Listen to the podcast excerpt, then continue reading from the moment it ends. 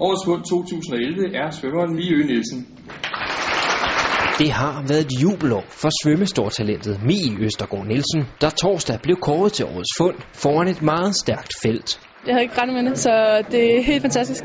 Den 15-årige svømmer har i 2011 vundet guldmedaljer ved junior-EM og senior-kortbane-EM, og har samtidig været med til at kvalificere Danmark til OL i holdkamp.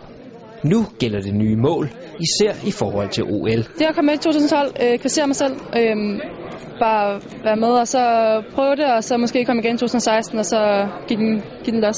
Det er politikken Team Danmark og DIF, der uddeler årets fund, og faktisk er svømmeren ikke den første, der vinder prisen i sin familie. Kan ikke få faren med her? Far Benny Nielsen var også svømmer og vandt prisen i 1985. Min far vandt jo for 26 år siden, og så det er jo også stort at være en del af det hold, og man også kan sige, at jeg også har vundet. Men for det nye fund giver det intet ekstra pres. Der er ikke så meget at leve op til. Øh, Jeg følger min egen drømme og følger min egen vej. Øh, For eksempel min far var flysom, og jeg præsterer i rygkål, så det er noget helt andet.